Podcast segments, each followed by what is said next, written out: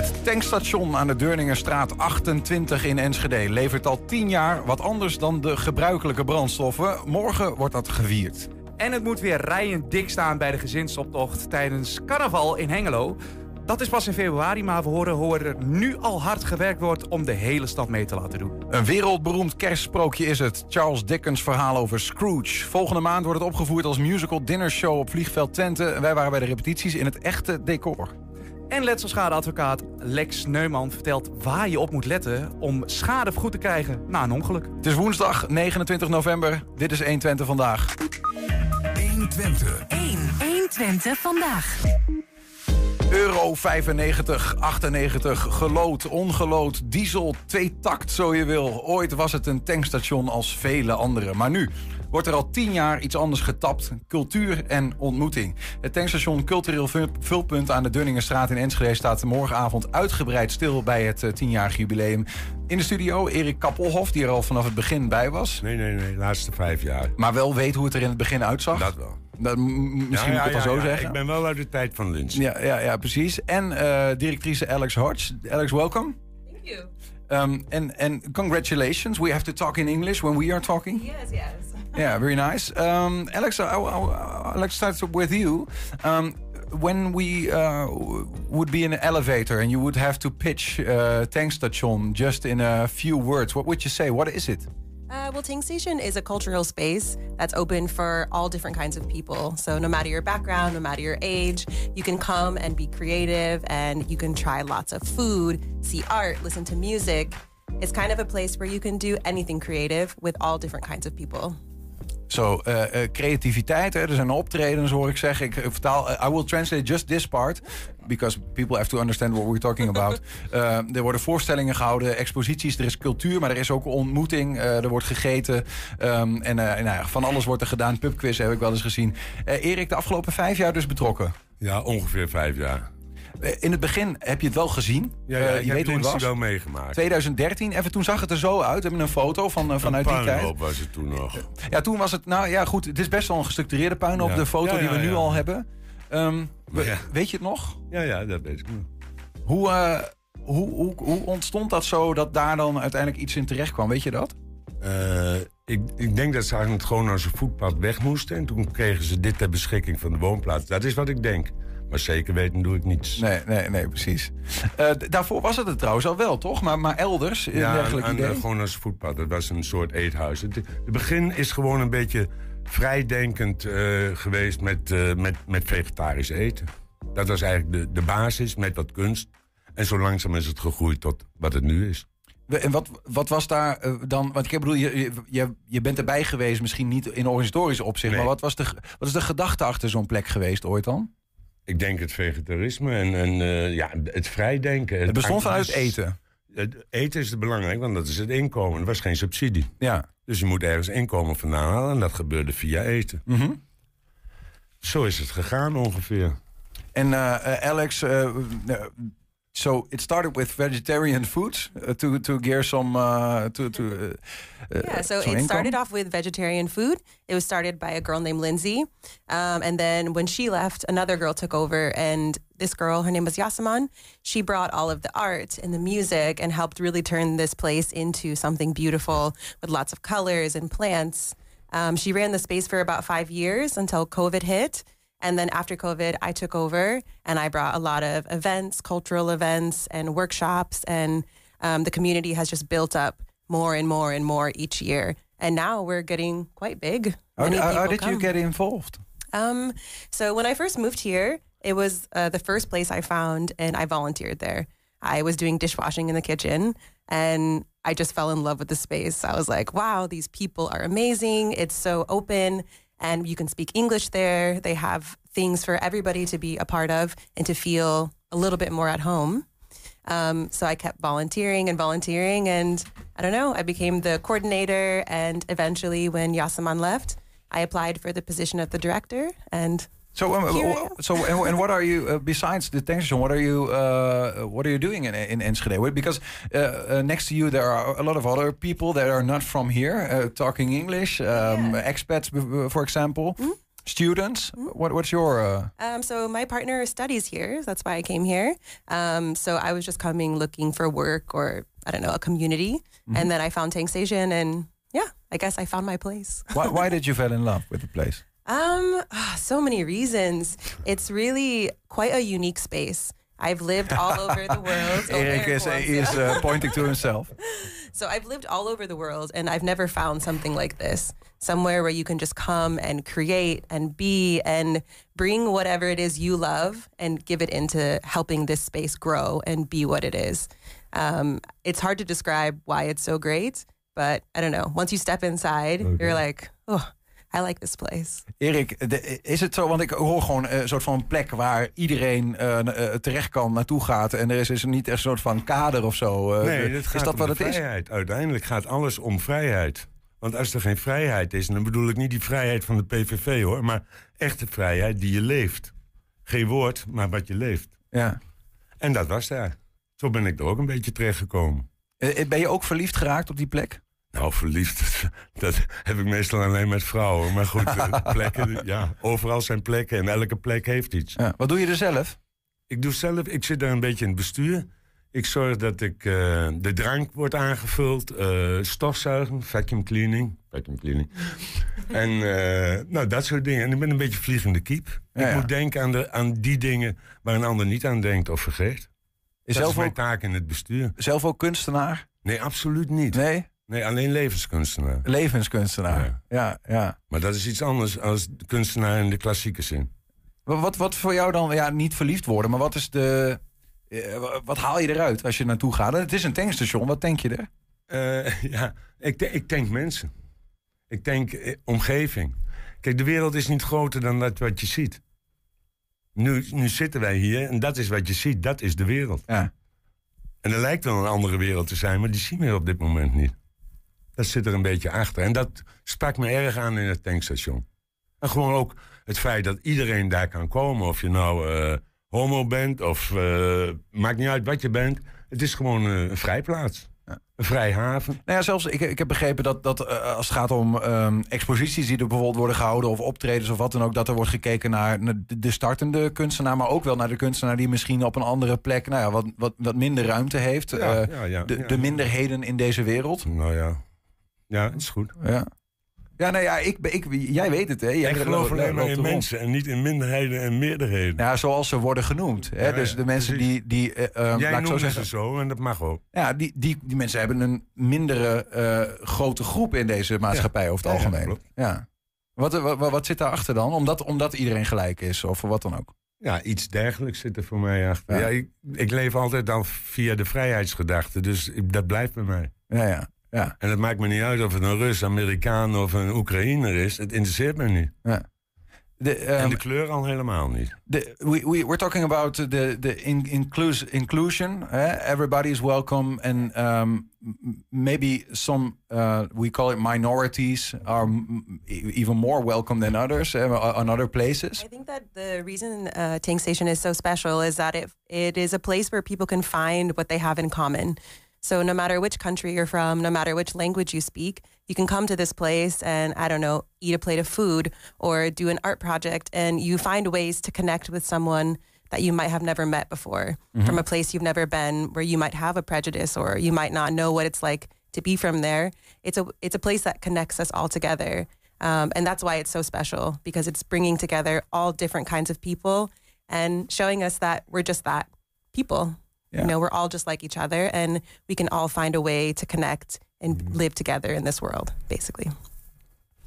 Um, w- other people that who come there uh, are the people that are less income and will, will, will just uh, be able to to enjoy the place for for free actually for expositions. Yeah, so everything we do, we try to make it accessible for students, for people with lower income, for everyone.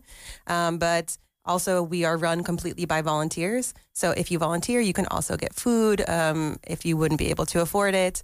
Um, I- Still no no money from the state or something like that. It's, it's, Um, it's, so we do get some subsidies in order to help put on all the events that we have on the stage. Um, but before, we never used to do that. So it was only after COVID that we had to Oh, get to. some help. Yeah. Yeah. But for the most part, we are self-sustainable. So the money we make from the food and the drinks, we put back into um, the culture and the things that we provide for the people of the city. We, we have some uh, pictures. We, we showed some of the old uh, station and it was empty. But we have also some about how it's looking now nowadays.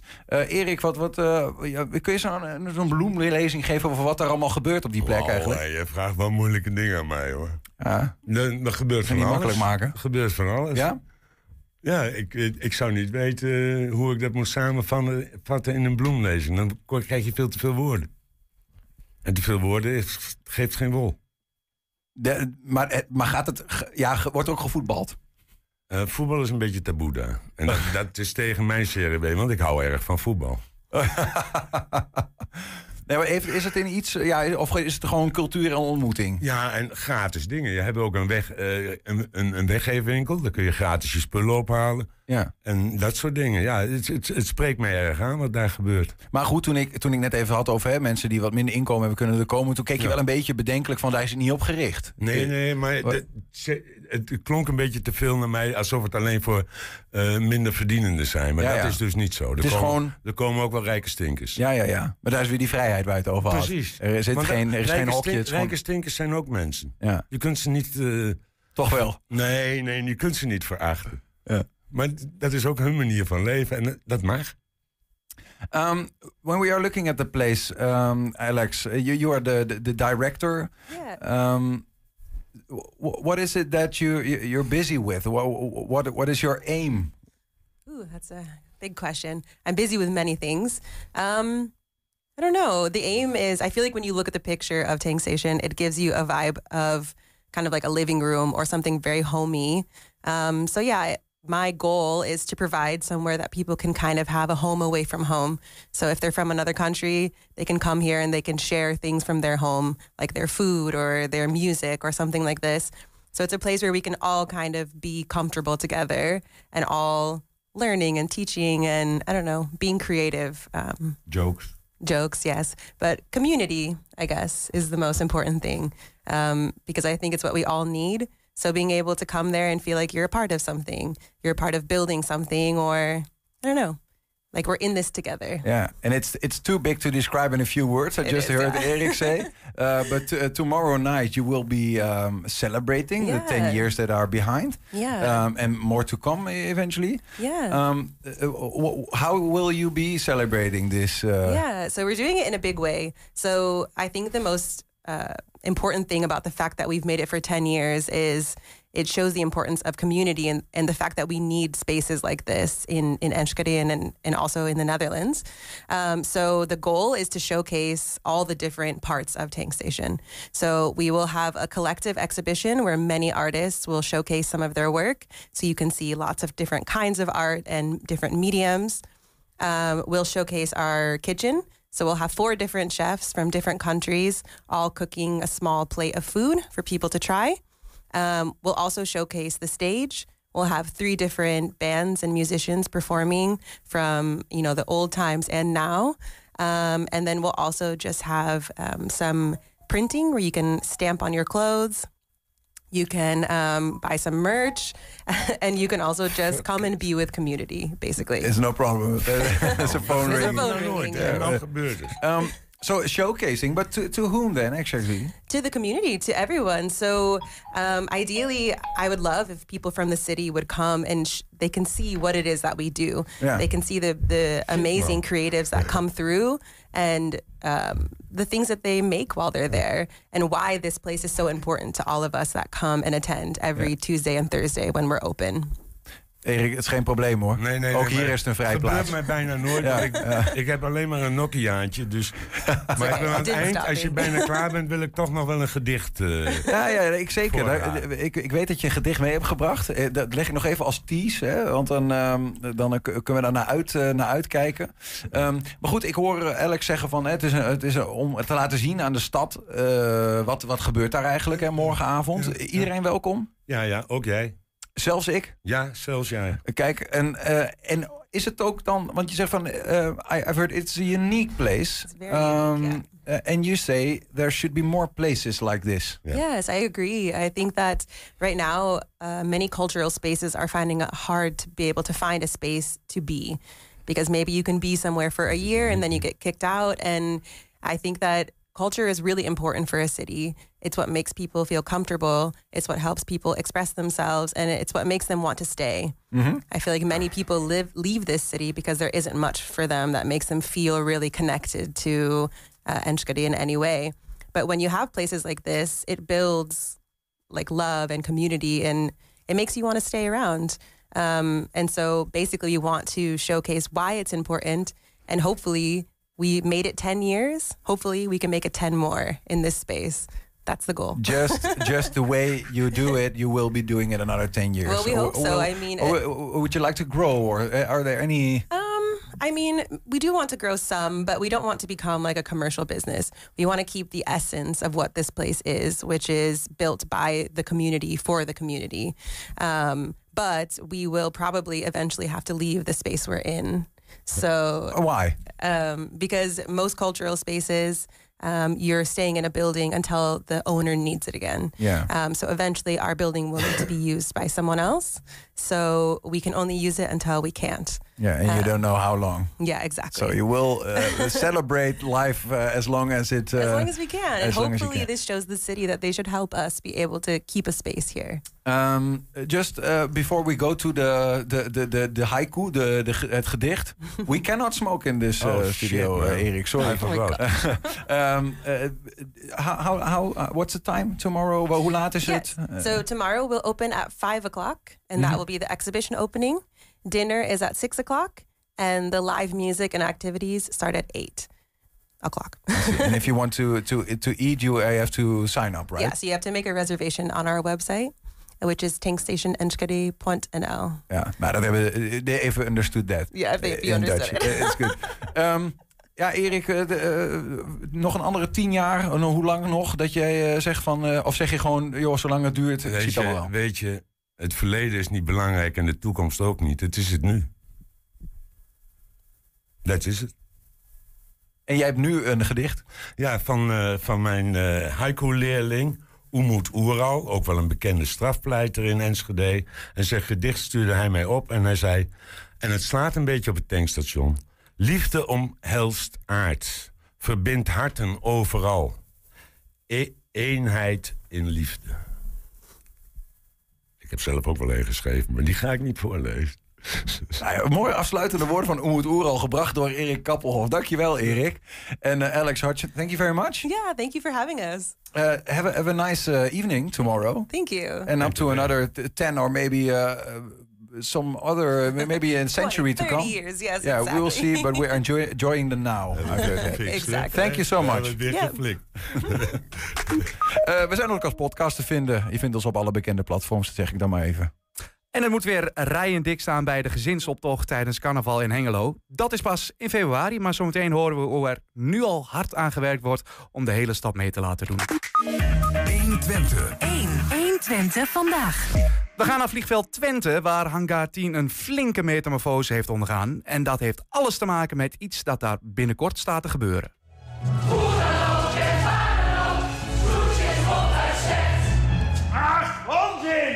Wie nu Hangar 10 op het vliegveldterrein in Enschede binnenloopt, waan zich in Londen 1854. Aan het eind van het jaar wordt daar de musical dinnershow Scrooge opgevoerd en de cast is bezig met de laatste voorbereidingen. Het decor staat. Nu kunnen de acteurs zich echt gaan inleven in een wereld bedacht door Charles Dickens. Maar de musical dinner show, dat concept heb ik bedacht omdat ik wil dat het publiek in de beleving komt. Dus je komt als publiek ook binnen en dan zit je midden in het oude Londen. En dan heb je een luxe viergangen diner, inclusief drankarrangement, wat wel fijn is. En dan dineer je te midden van cast en decor. Dus het speelt zich allemaal rondom je af. Je wordt helemaal meegenomen in, een, in de wereld van uh, 1854 met een knipoog naar het bier.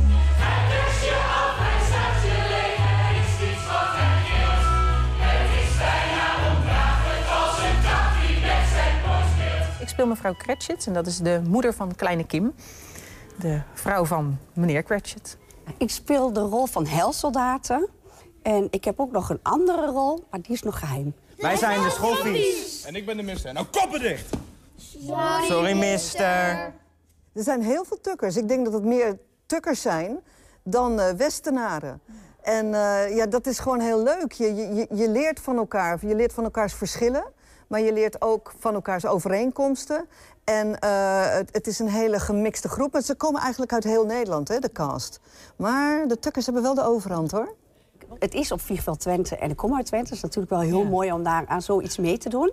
Maar ook het hele concept van zang, dans en toneel... ja, dat vond ik wel heel erg leuk. En ik dacht, ja, dit wil ik gewoon. Hier wil je bij zijn. In 2018 kwam ik kijken omdat een bekende van mij erin speelde. En toen wou ik eigenlijk al spelen. Maar helaas vond mijn moeder me nog te jong. Dus uh, ik moet nog even twee jaartjes wachten. Bloed lijkt plots een andere man vol liefde, niet zo kil. Er zijn hier wat acteurs die nog helemaal geen ervaring hebben. Uh, dat gaat Klopt. voor jou niet op, die vlieger. Nee, dat Ehm, klopt, ja. hebt zelfs al eerder in deze musical meegespeeld. Klopt ook, ja. Hoe vaak? Hoe vaak? Oeh, eh, drie, vier keer nu? Wat is het dat het zo speciaal maakt? Ja, ik denk dat je heel dicht bij de mensen komt. Eh, dus dat je echt de emotie heel goed kunt overbrengen. Dat het een ervaring is met alles om je heen, het decor. Ehm, ik denk dat dat het verschil maakt. Het moment dat jullie ook echt in het decor gaan spelen, is dat ook, merk je dan ook een verandering in de. Ja en nee. Ik maak er altijd een speciaal moment van. Zo de deur dicht, muziek aan, binnen laten komen.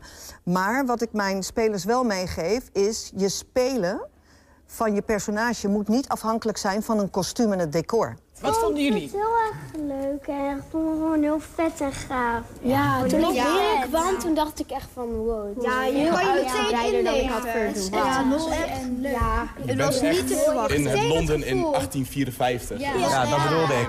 Het was echt niet te verwachten. Wat maakt het verschil dat je dan nu in het decor echt gaat oefenen?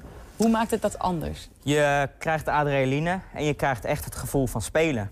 Dat je in 1800 zit en je rol. En echt contact met Scrooge, Mister en alle andere schoffies. De show is al veel eerder eh, in het land opgevoerd, maar hier nog nooit. En wij hadden er geen beeld bij. En ja, dan kan Siem het prachtig vertellen. En het plaatje zit in haar hoofd. Maar het is toch wel heel fijn dat als je nu ziet wat zij vertelt... dat je denkt, oh, nu vallen de puzzelstukjes op zijn plek. En ja, dit is gewoon heel fijn. En ja, dan raak je nog meer gemotiveerd om te gaan spelen. Ze hebben zich laten meenemen, geheel in vertrouwen en inzet en motivatie. En ehm, ik, ja, ik vind dat fantastisch knap. En ze zien groeien, ja, dat, daar zijn geen woorden voor. Ik vind het echt fantastische cast is het. Ja, we zijn eigenlijk met z'n allen één grote familie geworden. Ja, dat is gewoon geweldig om daar deel van uit te mogen maken.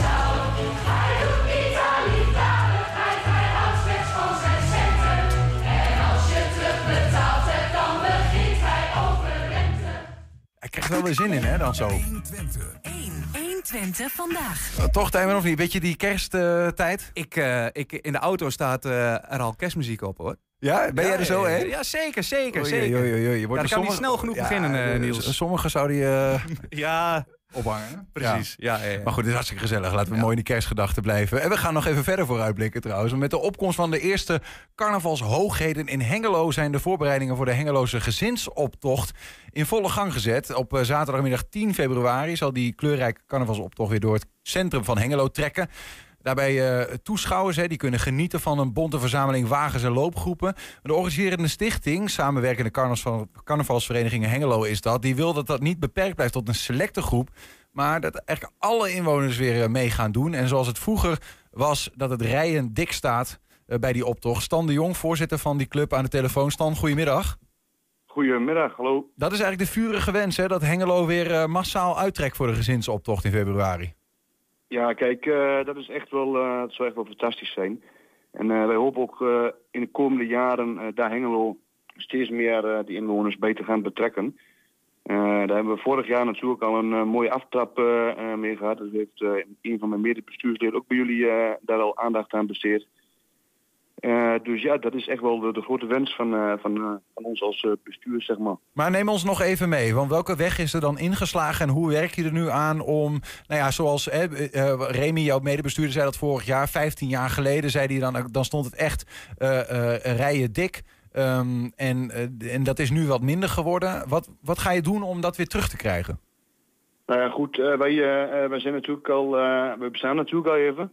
En vorig jaar hebben wij de 44ste gezinsoptocht eh, opgericht in, eh, of gedaan in Hengelo. Eh, nou, dit jaar dan de 45ste eh, optocht, aankomend jaar. Eh, ja, op een gegeven moment, eh, het vorige bestuur eh, eh, is begonnen met eh, de lichtparade die altijd eh, voor onze gezinsoptocht eh, eh, de ronde maakt, zoals wij die op zaterdag eh, eh, maken. En daardoor is eigenlijk een beetje het eh, cultureel erfgoed voor Hengelo, de gezinsoptocht, eigenlijk ondergesneeuwd. Eh, nou is er op een gegeven moment een, eh, een splitsing on- ontstaan. Toen hebben wij met de Hengeloze verenigingen gezegd, zijn er zes, van eh, wij gaan de komende jaren bouwen zoals het, dat als tien jaar geleden weer was. Dat wij weer de gezinsoptocht ja, als echt mooi top Hengeloos evenement daar neer kunnen gaan zetten. We eens kijken, En, heel even, heel even want we hebben wat beelden. Dan laten we die even zien terwijl je daarover vertelt. En dan krijg je ook een beetje een beeld bij, eh, ja, bij die zaken, die gezinsoptocht in, eh, in Hengelo. Ver- vertel eens, eh, Stan, van wat, wat, wat gebeurt er tijdens zo'n optocht? Nou ja, dus een optocht, eh daar moet je zien, daar zijn grote, kleine wagens, loopgroepen, eenlingen, duo's, die, eh, die daar eh, voor aangemeld kunnen worden. En nog steeds kunnen die aangemeld worden op onze website. Eh, eh, wij eh, bieden ook de mogelijkheid dat scholen, andere stichtingen, verenigingen daarbij kunnen aansluiten. Denk hierbij aan omgebouwde skelters of, of versierde skelters, dat soort zaken. Ja. Natuurlijk is het ook mogelijk om als bedrijven zich bij ons te melden, zodat ze bij ons in de sponsorcaravaan mee kunnen rijden. Nou, we kunnen ze ook eh, contact met ons opnemen om eh, hun ook eh, daarin bekendheid te geven aan de, aan de Hengeloze gemeenschap, zeg maar. Ja, ja ik, ik, ik hoor veel wensen, hè, maar hoe werk je er dan aan om bijvoorbeeld... eh, ja, wat ik, ik kan me voor, is dan de gedachte dat als scholen meelopen... dat er vanzelf meer mensen komen kijken? Want dat is uiteindelijk ook wat je wil, hè, dat die stad uittrekt op die zaterdag. Ja, wat wij doen, eh, wij benaderen eh, actief eh, de scholen en daarin eigenlijk ook de ouderraden zeg maar, om ja, in de hoop dat die ook daarin willen faciliteren, faciliteren voor de optocht. En daarin zijn wij ook eigenlijk actief in het benaderen van stichtingen. moet je denken aan de scouting. Eh, wij proberen ook eh, eh, naar buiten te treden, zoals Remy ook vorig jaar aangegeven. gaan wij ook naar zorginstellingen eh, voor ouderen, jongeren, zowel mensen met een beperking. Dus we proberen eigenlijk wel zoveel mogelijk bekendheid eh daaraan te geven. En ook daarbij is het heel belangrijk om die doelgroepen, want daar ben je natuurlijk ook voor, om die ook actief te benaderen. Hoe, hoe komt het eigenlijk als je daarover na... Want je zei net, eigenlijk heeft de gezinsoptocht misschien wat aan aandacht ingeboet... omdat die eh, lichtjesoptocht, hè, die andere optocht die er een avond voor is... eh, omdat die wat populairder is geworden. Eh, ja, dat voelt voor mij niet helemaal als een logische gevolgtrekking. Het kan toch ook zijn dat iemand bij de lichtjesoptocht komt... en vervolgens ook bij de gezinsoptocht. Hoe komt het dat het dat zo aan aandacht heeft moeten inleveren? Nou ja, in het verleden eh, met eh, eh, het bestuur wat er toen was, dat was hetzelfde bestuur als die de, eigenlijk de gezinsoptocht daarin organiseerde. Vanuit de wens van de Hengeloze Vereniging was we heel duidelijk van wij vinden gewoon heel belangrijk dat juist die gezinsoptocht, omdat er een cultureel erfgoed dingetje is van Hengelo, blijft bestaan. Dus, eh, en toen is daar eigenlijk een, een, een tweesplitsing eh, in ontstaan. Daar zit nou een ander eh, clubje op die dat verder organiseert had. En ja, eigenlijk is er minder aandacht besteed aan die gezinsoptocht. Omdat eigenlijk tijdens de gezinsoptocht deden de Hengeloze vereniging mee. Dus werd meer gedacht van, god, dat, loopt, dat loopt allemaal wel. En dat, dat, dat gaat zo. En ja, dat is uiteindelijk minder belangrijk gevonden, ook door, door, door, door dat bestuur, zonder daar eh, negatief eh, verder eh, Ja, ja. Over, over te zijn. Maar dat is een keuze geweest op dat moment. En op dit moment ja, vindt de Hengeloos Carnaval het gewoon heel belangrijk dat vooral die gezinsoptocht, omdat wij daarin ook de, onder andere de hoogheden wagens mee laten rijden. Kijk, die rijden op, op vrijdagavond. Eh, rijden die niet meer. Dan is het gewoon echt, eh, eh, ook, dat zijn de wagens vanuit de, ri- buiten Hengelo, zeg maar. Dus moet je denken Haagsbergen, eh Buurse, Enschede doet daar mee. En dat is gewoon tijdens de gezinsoptocht hopen wij uiteindelijk ook de, buitengemeente daarin bij te gaan betrekken, zeg maar. Ja, ja. Is dat een weg van de lange adem? Of, of denk je, wil je dit jaar al een bepaald doel halen daarin? Nou, ik, eh, ik, als, ik als voorzitter dan hoop eh, eh, dat wij dit jaar toch een keer aanmeldingen ook gaan krijgen vanuit eh, Hengelo. Dus dat is, dat, dat is op zich, dat hoop ik. Maar we hebben natuurlijk vorig jaar ook gezegd, nou, we willen drie jaar willen wij ergens naartoe. Nou ja, vorig jaar en onze eerste aanmelding gaat van een groep de carnavalsvereniging om. Dus nou ja, als er dit jaar eh, wat meer bij komen, ja, dan, dan jeugen wij dat eh, als bestuur natuurlijk alleen maar toe. Juist, dus je hebt een er oproep aan, niet. oproep aan, aan, aan deelnemers. Hè? Eh, ook als je van buiten Hengelo komt, eh, doe mee aan die gezinsoptocht. Hè? Je hebt wel wat concurrentie, geloof ik, hè, op die dagen. Maar, ehm, eh, en, en voor de rest aan de Hengeloer zelf? Ja, vooral aan de Hengeloer zelf. Van, ja goed, carnaval is niet alleen van het Hengeloos carnaval, maar dat is voor de hele stad. Dus eh, ja, heb je nog, eh, eh, ben je creatief of heb je leuke ideeën? Van jong tot oud kun je aanmelden op onze website www.carnavalhengelo.nl. En ja, ga er gewoon voor, want het is hartstikke gezellig en je bent weer een ervaring rijker. Dus ja, dat is goed top. Dompel je onder, ook als je niet vanuit het carnavalsverleden in je gezin bent opgegroeid of zo, gewoon meedoen. Dat, hoor, dat is wat ik hoor. Ja, precies. Zo, zo is het precies zo je het zegt. Eh, dankjewel. We- Dat staat genoteerd bij deze stand, die, eh, die oproep. Helemaal goed. Nou, dat eh, vind ik heel fijn. In ieder geval eh, weer bedankt eh, voor jullie eh, contact. Succes met de, de organisatie. Stan de Jong was dat, van eh, die samenwerkende carnavalsverenigingen in Hengelo. Op naar een eh, bloeiende gezinsoptocht van weleer. Is er misschien iets geks in je straat gebeurd? Of gewoon een tip voor onze nieuwsredactie? Dan kun je die gewoon mailen. Dat kan naar eh, redactie.120.nl. Dit is mijn uitspraak en daar moet u het mee doen. Rechtspraak met Damstee Advocaat. Een ongeluk zit in een klein hoekje, maar heeft soms eh, grote gevolgen. Eh is niet nodig, Lex. Eh, komt goed. Eh, we, we hebben het over een letselschadeadvocaat, die zit bij ons aan tafel. Eh, die gevolgen kunnen er bijvoorbeeld zijn van een ongeluk in, als het gaat om letselschade. De vraag is eigenlijk, wat is dat dan eigenlijk precies, letselschade? Welke kostenposten kun je vergoed krijgen? Waarom moet je letten eh, om die vergoeding te krijgen? Nou, we dachten, we hebben hier heel vaak over specifieke onderwerpen gepraat rondom letselschade. Ehm, maar misschien is het ook wel eens aardig om gewoon eens te vertellen... wat gebeurt er eigenlijk als je een ongeluk krijgt? Wat moet je dan eigenlijk doen in de algemene zin? En hoe kom je dan uiteindelijk uit bij een plek... waar je misschien nog wat vergoeding krijgt voor schade die je hebt geleden? Nou ja, en eh, Lex is bij ons. Welkom. Dankjewel. Ehm en, en weet daar nogal wat van, want je bent letselschadeadvocaat. Dat scheelt. Dat is mijn werk. Ja, precies. Ehm, nee, het begint eigenlijk misschien wel bij het begin. Hè? Je, je, je weet nooit wanneer je het krijgt, want zo, daarom heet het ook een ongeluk. Maar Ja. eh, ehm, als je nou in een ongeluk belandt, wa- waar moet je dan vanuit jouw oogpunt, als het uiteindelijk gaat om het, eh, het, het vergoeden, vergoed krijgen van schade, waar Ja. moet je dan meteen al op letten? Hangt er natuurlijk altijd een beetje van. Ja, dus ik kom altijd natuurlijk weer een beetje. Hangt vanaf van de situatie. In dit Ja. geval ehm, denk ik wel heel erg van belang. ehm, wat voor ongeval is het? Is het een verkeersongeval? Is het een, eh, verkeersongeval met auto's, met fietsen? Laten we even eh, voor het gemak. Er is ieder geval een auto bij betrokken. hè. We kunnen ook over bedrijfsongevallen hebben, een ander verhaal. O- ongeval auto-fietser. Nou, je- wat je weet is, eh, er is een auto bij betrokken. 9 van de 10 keer, volgens mij ben je het zelfs verplicht. Maar hoe dan ook, ehm, hebben ze gewoon een aanrijdingsformulier.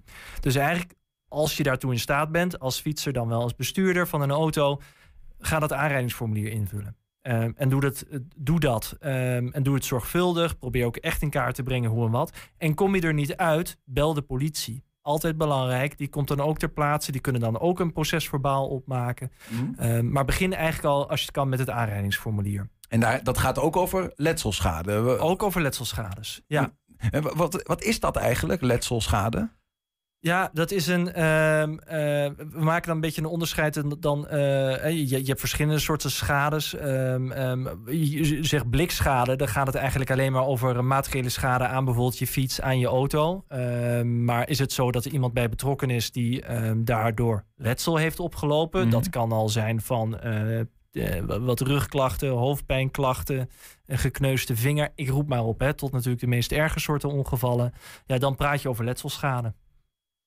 Dan begrijp ik ook eh, dat eigenlijk om vaak om uiteindelijk die schades te vergoed te krijgen, als je ergens last van gaat krijgen, Ja. dat, er, dat er regelmatig om eh, bewijsmateriaal gevraagd wordt. Ja.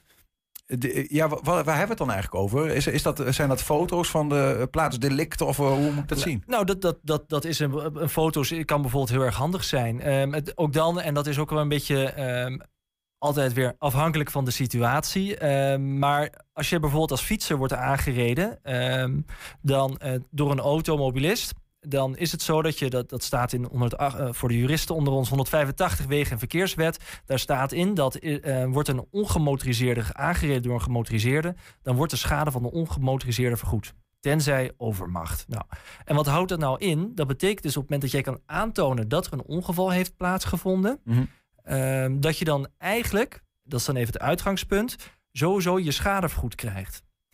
Dus als jij dat. En, en- en dan hoef je dus nog niet eens aan te tonen wie nou precies fout is geweest. Nee, je hoeft eigenlijk alleen maar aan te tonen. Er is een ongeval geweest waarbij een gemotoriseerde, dus een auto, dus een scooter, eh, mij als fietser, mij als voetganger. Ja. eh, eh, ja, in botsing. Het hoeft niet eens een botsing te zijn, het mag ook een schrikreactie zijn doordat je niet goed voorrang verleent. Ja, ja. Ehm, dan krijg je je schadevergoed. En dat betekent dus ook dat je, want dat was je vraag van hoe zit het dan met bewijs? Dan hoef je dus eigenlijk niet zo heel veel te bewijzen, behalve dat dat ongeval heeft plaatsgevonden. Ja. Dat kan dus al zijn op het moment dat de politie er is die schrijft er heeft een ongeval plaatsgevonden. Dat kan ook zijn een getuige. Dat kan ook zijn een foto eh, waarbij duidelijk te zien is dat er schade aan de auto is en dat jouw fiets eronder ligt. Ja, ergens zou, zou ik dan denken dat gebeurt eh, voor mij. Als in als de politie bijvoorbeeld komt, dan gaan zij eh, waarschijnlijk wel foto's maken of dingen. Eh, of is het dan ook nog handig om daar zelf nog een bepaalde mate van eigenaarschap in te nemen? Ja, als je daartoe in staat bent, vind ik dat eigenlijk altijd wel belangrijk. Ehm, de politie die schrijft, eh, die, die is ook niet bij het ongeval geweest. Die schrijft op wat ze van jou hebben gehoord, wat ze dan van, eh, en soms niet eens van jou als je daar zelf niet toe in staat bent. Die schrijft dat dan op van de bestuurder van die auto. Ja. Zeg even dat ik dan de, automo- eh, de fietser ben.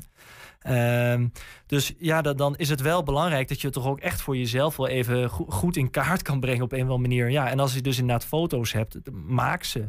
En, en het mooiste is natuurlijk nog als je dus een aanrijdingsformulier hebt en er hoeft dus niet eens politie bij aan te pas te komen. Maar dat als je geen discussie hebt over wat er is gebeurd, dat je gewoon keurig op dat aanrijdingsformulier hebt opgeschreven. Dit is wat er volgens mij is gebeurd. Dit is wat die andere partij eh, beschrijft. En als dat dan over, overeenkomt, handtekeningen eronder. Ja, dan, dan, dan is dat gewoon bewijs. Ja, ja, ja. Ja. Je, je beschreef net even van wat, wat is dan precies letselschade? Wat, wat Ja. valt daar dan onder? Eh, hoe komt uiteindelijk eigenlijk de, ehm, een bedrag dat wordt uitgekeerd door een Ja. verzekeraar, denk denk ik vaak. Ik weet niet, komen we zo nog op wie dat dan doet. Ja. Hoe komt dat tot stand? Ehm, nou, dat, dat, dat is de- de- twee dingen. Ehm, het is vooral ook een optelsom van de materiële schade. En bij materiële schade kan je dus al beginnen bij wat ik al noemde de blikschade. Hè? Dus Ja. de schade aan je fiets. Ehm, en dan vervolgens dan ga je ook nog kijken, zeker in het geval van letsel, van nou oké, iemand heeft beperkingen. iemand kon even het, het huishouden niet doen. En daar hebben we richtlijnen. We kunnen daarvoor richtlijnen gebruiken. En daar staat er gewoon precies in van zoveel weken dit bedrag. ehm, dit is hoe het huishouden eruit ziet. Dan kunnen we dat toepassen. Ja, ja. En, eh, je dat- klachten worden tegen normen aangehouden en daar wordt dan uiteindelijk een rekensom ja, op en dat zijn richtlijnen, hè? dus je hoeft ze niet te gebruiken. We kunnen zeggen, we noemen, het is dan of we gebruiken richtlijnen... of wat we dan noemen, een, een beetje een deftig woord, concretiseren. Dan moet je ook echt aantonen van... nou, dit is wat ik normaal het huishoud, dit is hoeveel tijd het kost. Dit is een uurtarief, dit is wat iemand anders daarvoor heeft moeten doen. Ja, ja. Ehm, dus dan, maar inderdaad, huishoudelijke hulp kan dus een dingetje zijn. eh, hulp in de tuin. Je kan natuurlijk ook, als jij zelfstandige bent, dan heb je inkomensverlies geleden. eh, want je kon niet werken, je bent niet verzekerd. Nou, dan krijg je inkomensschade. En dat is wat een beetje dat concrete stuk. En dan Ja, heb je ook ja. nog iets wat we dan noemen smartengeld, immateriële schade. Ja, dat is eh, compensatie voor pijn, leed, verdriet. Ja, en dat is ehm, ook heel erg afzetten tegen andere zaken, ehm, die gepubliceerde zaken. En is eigenlijk uiteindelijk ook wel heel erg een gevoelskwestie. Ja. Ehm, en als je daar samen met een verzekeraar uitkomt, want dan moet er meestal is het eigenlijk wel een verzekeraar, zeker als je met een auto te maken hebt, is het eigenlijk 9 van de 10 keer een verzekeraar. Ehm, ja, dan ga je met die verzekeraar in gesprek. En als je dan akkoord bent, dan is dat het smartengeld. Ja. De- wo- Wordt dat op een bepaald moment in de tijd dan eh, ja, bepaald? Van dit is, de, dit is schade. Kijk, ik, ik had een gesprek met iemand die zei: ik, ik had een, die had een ongeluk gehad. En een, eh, daar was een schadeformulier ingevuld. Ja. En eigenlijk pas later ontstond er, ontstonden er eh, klachten in de rug. Ehm, ik kan me dat voorstellen dat die klachten zich later openbaren. Kun je daar dan alsnog wat mee? Of heb je dan. Ja, daar kan je zeker wat mee. En het is ook. ehm, ehm, en ik kan me ook best voorstellen dat mensen inderdaad dan zullen denken van nou, ik, ik heb dat toen ingevuld, dus laat maar. Maar wat je vaak ziet is, eh, zeker bij wat grotere ongevallen, maar ook misschien bij een kleiner ongeval, het gaat gewoon even om de hectiek op dat moment. Mensen zitten vol met adrenaline. En wat doet met de adrenaline met mensen? Nou, het eh, lichaam dat gaat in een soort modus. eh, je, je voelt wat minder, misschien meer een soort vluchtreactie of wat dan ook. Maar de, de primaire, de, pijngevoelens, die komen wat meer op de achtergrond te staan. Ehm, en er staat ook altijd zo'n vraag op het formulier: heeft u letsel opgelopen? Ja, je kan best zijn dat je op dat moment dan denkt van nou, nu voel ik niks en dat je dat dan invult. Ja. Belangrijk is dan wel, is als je dan die klachten krijgt, dat je er wel snel wat mee doet. Ga dan bijvoorbeeld toch nog even naar de huisarts als je dan een week later toch nog die klachten hebt of een paar dagen later. Ehm, en het is ook heel dubbel. Hè. Dat zijn ook een, discussie die we nog wel eens voeren met verzekeraars. Van ja, wat, wat, wat, wat willen we nou? Willen we dat mensen vanaf moment één naar de huisarts gaan en dat het misschien een heel ding wordt? Of dat mensen toch nog gewoon eerst eens even thuis kijken van nou, eens even het op zijn beloop laten en zien of mensen herstellen. Dat zijn ook van die discussies. Hè. Dan weet je in eerste instantie nog niet of iemand letsel heeft. Mm. En dan komt iemand later op de proppen. Eh, Is het misschien gewoon even een pijntje in je nek Ja. en gaat dat vanzelf over? Dat kan. En misschien is het soms, en dat, dat, dat er zit ook zeker wel eens een keer, en ik, is- niet altijd, maar ook wel eens een psychologisch element aan vast. En als dat betekent dat iemand dus meteen in een soort, ik noem het maar even, een traject gesleurd wordt van letselschade met, oh, en, en, en, en moet naar de huisarts en die, die zegt, nou, dan gaan we meteen fysiotherapie doen. Dan kan het zo zijn dat mensen dat ervaren als van, oh, wacht eens eventjes, eh, dit is allemaal heel serieus. Terwijl dat het misschien, als we het even hadden afgewacht, was het ook. En, en er is geen goed of fout, hè? Dat, dat, Ja, dat hoor je ja. mij niet zeggen. Maar eh, dat, dat, dat is wel, ehm, ja, de vraag dan meteen: is het dan dus erg dat je op, in eerste instantie aangeeft van, nou, het valt allemaal wel mee? Nou, dat vi- vind ik niet. Ja, soms kan het wat lastiger zijn. Maar goed, ik heb ook wel eens gehad dat, dat, dat mensen mij bellen en nog op plaats ongeval staan en mij opbellen. Ik heb eh, eh, letsel en wat moet ik doen? Ja, ja. En dan hebben we het inderdaad over wat pijnklachten. Ja, Ja. Dan, ja nou ja, goed, in sommige gevallen zeg ik bel dan toch maar eerst eens even de huisarts en, en Ja, kijk maar eens precies. even of het nou een, eh, een langer dan dag duurt. Nou ik, eh, wat ik me ook een beetje afvroeg is: van, stel nou dat je, als je echt wel een ernstig ongeluk hebt gehad, waar Ja. sommige mensen hun, hun leven lang last houden van dingen, ja, eh, ehm, het, het- is het dan een soort van. Ja, ik wil het niet vervelend benoemen, maar een soort van snoepwinkel. eh, van, van ja, weet je wel, ik, nu kan ik allerlei schades claimen. Of zit er nog een bepaalde grens aan? Ik kan me ook voorstellen dat een verzekeraar zegt: ja, wacht even, de, je moet natuurlijk bewijzen dat je iets. Maar dat, je- dat je ook nog zelf iets kunt eh, kunt doen om, om eh, eventueel eh, door training of wat dan ook door schade te, om schade te beperken. Ja, dat is dan. uiteindelijk is sowieso het uitgangspunt: je krijgt nooit meer schade vergoed. Dat, het is een beetje, het klinkt logisch, maar in de praktijk is het nog best eens een discussie. Je krijgt nooit meer schade vergoed dan waar je recht op hebt. Dat Je kan je elke euro die je krijgt, die krijg je maar één keer. En die is specifiek voor, een, voor het een of het ander. Ja, ja. Ehm, wat wel zo nou, een lastig dilemma is, dan stel je nou voor dat iemand eh, die heeft zijn been gebroken en eh, die is heel bang voor operaties. En eigenlijk is het advies wel van ja, je moet geopereerd worden. Of sterker nog, je zou eigenlijk nog een tweede keer geopereerd moeten worden. Iemand is al eens een keer geopereerd en die zegt, nou die eerste operatie, het ging zo waardeloos. En dan zegt ze, je kan een hersteloperatie doen, dus ga maar voor een tweede operatie. En iemand zegt, nou die eerste keer, ik ben er klaar mee. Dit is mooi geweest. Dan weet je wel dat iemand met misschien bepaalde beperkingen blijft. En anderzijds, als die, die hè, en misschien is het ook maar 50-50. Als die aan de andere kant die operatie had gedaan, dan is er 5% kans dat iemand herstelt. Ja. Kan je dan van iemand verwachten dat hij dan zegt van nou. Ik wil eh, vergoeding voor de rest ik, van mijn Ik wil de vergoeding voor de rest van mijn Ja. Maar aan de andere kant ook, kan je van diegene verwachten dat hij nog een keer een operatie doet. Nou, wat zegt een verzekeraar? Bepaalt de verzekeraar dan eigenlijk? Of bepaalt de rechter zoiets? Of hoe? Uiteindelijk, en dat- is dan uiteindelijk het laatste wordt ze altijd aan de rechter. Ehm, dat, dat ik, ik als advocaat beslis niks, eh, een verzekeraar beslist niks. Ehm, al vinden natuurlijk advocaten wel eens dat ze wat beslissen en dan vinden de verzekeraars dat ook. Maar uiteindelijk, als, je, als er echt puntje bij paaltje komt, Hmm. het laatste wordt ze altijd aan de rechter. Ja. Ja, En, en, goed, en, ja, en, verzekeraar kan daar wel in de eerste instantie iets van vinden. Van hé, hey, je moet die operatie doen en anders krijg je van ons die vergoeding niet. en dat maakt uit, want als iemand nu die vergoeding nodig heeft en die verzekeraar zegt het gaat niet, ja, dan, dan, dan moet je toch de procedure in. Wil je die procedure? Het kan twee kanten op gaan. Ehm, dus dat zijn wel, ja, dat, dat, dat zijn altijd dilemma's. Je kan, ehm, maar ergens, en dat is wel, en dan, dan, dan geef ik nu best wel eigenlijk al meteen een soort dilemma aan. Maar er zijn ook situaties waarbij eh, mensen denken van nou, ehm, ik heb me ziek gemeld en ik blijf nu op de bank zitten. Je moet wel, ehm, en dat is dan een, een redelijkheid, hè, wat is dat dan ook maar? Maar goed, je, iemand moet wel in alle redelijkheid ervoor zorgen dat hij weer herstelt. En dan hebben we het over alle omstandigheden van het geval. Ja. Dus dat er, daar kunnen van allerlei eh, omstandigheden zijn. Maar in de basis is het, iemand moet wel zijn best doen om weer aan de bak te komen. Nou, nou hebben we het over een situatie waarin, waarin de, eh, de dader, zou ik dan denken, soort van, of in ieder geval de partij, dat je een verzekeraar kunt aanspreken. Ja. Het zal ook wel eens gebeuren dat dat er op een of andere manier niet is. Dat iemand niet goed verzekerd is of wat dan ook. Ja. Ehm, heb je dan gewoon pech gehad? Of zijn er dan nog... Nee, er zijn alternatieven. Dat je de Eh, dader niet kent misschien wel? Dat je niet Ja. weet, dat je met aangereden niet weet door wie je dan zeker bent? Onbeke- eh, onbekende dader. Ja, we maken wel eens situaties mee met onbekende daders. We maken ook wel eens, en dan, dan eh, pak dan even weer voor het gemak een auto. eh, maar ook wel eens mee dat auto's eh, niet, eh, eh, niet verzekerd zijn.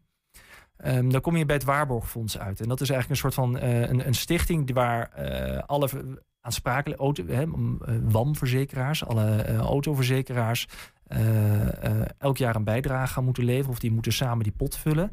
Ehm, en dat waarborgfonds, dat is eigenlijk een soort redcategorie waar je dus naartoe kan eh, op het moment dat er dus een onbekende dader is. Belangrijk is wel, ehm, en ik zou ook bijna zeggen, kijk altijd even op de website van het waarborgfonds, want er zitten echt wel hele strikte voorwaarden aan. eh, dat het wel belangrijk is dat je tijdig aangifte doet, dat er getuigen zijn. Je kan dus niet zomaar zeggen van nou, eh, ehm, ik ben aangereden, maar je kan eigenlijk helemaal niet bewijzen dat je bent aangereden. Ehm, dus daar zitten wel wat voorwaarden aan. En op het moment dat je aan die voorwaarden voldoet, dan is het eigenlijk alsof je een aansprakelijke verzekeraar tegenover je hebt. Ehm, en die moet dan gewoon jouw schade vergoeden.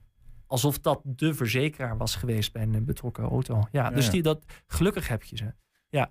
Nou, wat ik me ook eh, zi- zit te bedenken, want ehm, voor mij voelt het heel logisch dat er dan twee partijen tegenover elkaar Ja. staan. Namelijk eh, de aangeredene, als dat een woord is, en Ja. degene die het heeft gedaan. Ja. Ehm, maar je hebt ook nog zoiets als eh, misschien wel een, een auto die het niet goed deed. Of een, eh, een fiets die het niet goed deed. Of een, een weg die misschien eh, nou ja, op een bepaalde manier is aangelegd... waardoor er een ongeluk is ontstaan. Is het altijd dat die twee partijen aangereden en aanrijder tegenover elkaar staan? Of is het ook wel eens dat er andere partijen bij betrokken zijn? Ja, je ziet het niet heel vaak, maar het kan wel gebeuren. Ehm, nou, denk bijvoorbeeld, denk het meest typische voorbeeld is een kettingbotsing. Wie spreek je aan? Ehm, hè, dan heb je al drie partijen of misschien wel vier, vijf, zes auto's tegen elkaar. En de voorste die wordt aangereden, die krijgt een eerste knal, knal tweede knal, derde knal, een keer vierde knal. Wie spreek je aan? Eh, en waarom? Nou, dat, dat is, ehm, eh, daar hebben we ook wel wat, wat voor bedacht. In principe is het het voertuig wat achter jou op jou knalt, daar moet je aankloppen. Tenzij er duidelijk is dat je iemand anders eigenlijk alweer in eerste instantie het ongeval heeft veroorzaakt. Ehm, dus dat, in zo'n situatie. Maar bijvoorbeeld een ander voorbeeld, en zeker zie, hier zie je dat natuurlijk ehm, wat meer ook ehm, eh, als je de stad uitrijdt. Dan heb je natuurlijk allemaal eh, gelijkwaardige kruispunten. Iemand anders die heeft misschien inderdaad voor, de vo- voorrang. Je geeft diegene ook geen voorrang. Maar eigenlijk wat je zag is die hoek van dat kruispunt was totaal overgroeid. En daar zijn al verschillende meldingen gemaakt. Dat is een onveilige situatie, onveilige situatie, onveilige situatie bij de provincie of de gemeente of wie daar dan verantwoordelijk is, of het waterschap kan ook. Ehm, en, als dan, en als daar niks mee wordt gedaan, ehm, dan kan het on- onder omstandigheden zo zijn dat je dan, zij zijn dan de wegbeheerder, dat je kan zeggen van ja, wegbeheerder, dit was jouw taak. Jij had hier moeten zorgen voor een veilig kruispunt. Dat heb je niet gedaan. Je had hier eh, eh, je, had de, de, de bebossing moeten bijhouden. Het is jouw bebossing. Kan je ook nog een keer aankloppen bij de gemeente of bij, de, de- bij die wegbeheerder. En dat zal zeker niet altijd lukken, want een wegbeheerder mag ook zeggen van ja goed, we hebben natuurlijk niet onbeperkt middelen om elk bosje te kappen elke keer. En zeker hier eh, in de omgeving heb je veel van dat soort situaties. Ehm, maar in de basis zou je wel kunnen zeggen, dan kloppen we daar aan. Ja, ja. Maar goed, ik neem aan dat dat, dat eerst eh, persoon A botst tegen persoon B aan. Persoon B Ja. vraagt schade aan persoon A. Dat er eerst dan die partij gaat dan shoppen bij de gemeente. Zeggen we bijvoorbeeld van. Exact, hey, dat is de basis. Ja, ja. Ja, Ja. ja. en het kan natuurlijk ook nog zo zijn, en dat is dan dat is soms wel een vervelende situatie, als dus inderdaad zo'n ongeval plaatsvindt waarbij, dus de, waarbij twee partijen letsel hebben opgenomen en die, eh, opgelopen. En die ene die van rechts kwam, die had gewoon voorrang. Maar jij zit ook met letsel. Maar jij kon eigenlijk voor jouw gevoel dan in ieder geval niks doen Ja. aan die situatie. Want ja, was al wat rustiger gaan rijden. Ja, en dan kan het dus zijn dat jij zelf wel naar die gemeente toestapt. En zegt van ja, ik heb een ongeval gehad. Die andere partij die heeft niks fout gedaan. Maar wij vinden dat jij wel fout bent geweest als gemeente. Dat kan. Dat kan hè. Het is... Hebben, hebben we nog di- dingen niet? eh, ja, we, we- hebben de hele wereld. Ja, tenminste, in mijn hoofd hebben we al een hele weg bewandeld. Ja, eh, maar is, ja. is, zijn, zijn nog adders onder het gras als het gaat om de letselschadewereld? Die, eh, waarvan mensen op de hoogte moeten zijn? Let hier of hierop, weet ik niet eigenlijk. Ja, dan, dan hou ik het bijna heel algemeen. Ik bedoel, als, als, als het echt zo super simpel was geweest, dan, dan, waren er geen juristen nodig geweest. Ja, Ehm, dus het is altijd wel een. eh, ehm, ja, goed, er zijn heel veel simpele ongevallen. ehm, met soms hele ernstige letsels. Hè. Laat ik daar eh, op houden. Maar soms wel in de, in de basis is het juridisch niet zo ingewikkeld. Ehm, maar het is wel eigenlijk altijd belangrijk. Je kan, en dat is denk ik de algemene eh, de boodschap die ik iedereen zou willen meegeven. Mocht je ooit in een ongeval eh, terechtkomen, afkloppen, ik hoop het niet. Ehm, zorg dan in ieder geval, hou dan wel in de gaten, zorg dat je het beter vooraf goed regelt dan dat je achteraf bandjes moet gaan blussen. Dus wat je al zegt, en zeker als het gaat over toedracht, hè, dus over hoe een ongeval heeft plaatsgevonden, zorg dat alles duidelijk is. Ehm, en sommige situaties kan het niet anders dan dat er discussie over ontstaat. Twee auto's die zeggen, oh, automobilisten die zeggen dat ze allebei door rood of door groen, nee, door groen zijn gereden. Ja, eh, toon het dan maar aan. Maar ook heel veel situaties, ehm, als je het maar vooraf even goed had vastgelegd, dan was het achteraf geen probleem geweest. Als je eh, in die eh, staat bent dat je dat kan. Want het zal soms ook anders En, zijn. en dat zal ook anders zijn, ja. Ja. En, dan, en, dan, en dan ligt het werk bij de politie. Ja. Dankjewel, Lex. Graag gedaan. Dankjewel dat je hier mocht zijn weer. Ja, dit was eh, tot zover 120 vandaag alweer, eh, Niels. Ja, we- dankjewel Tijmen. Geen. Eh, een vuurdoopje. Zeker. mooi gedaan. Niet gek. Morgen doen we het gewoon weer. Tot Ja. zover eh 120 vandaag voor eh, deze woensdag. Terugkijken kan direct via 120.nl en vanavond om 8 en 10 uur via 120 TV. Tot morgen. Tot morgen. Thema beveiliging staat voor betrokkenheid, adequate optreden en betrouwbaarheid. Waar de concurrent stopt, gaat thema beveiliging net een stap verder. Thema beveiliging levert alle vormen van beveiliging voor zowel de zakelijke als de particuliere markt. Thema.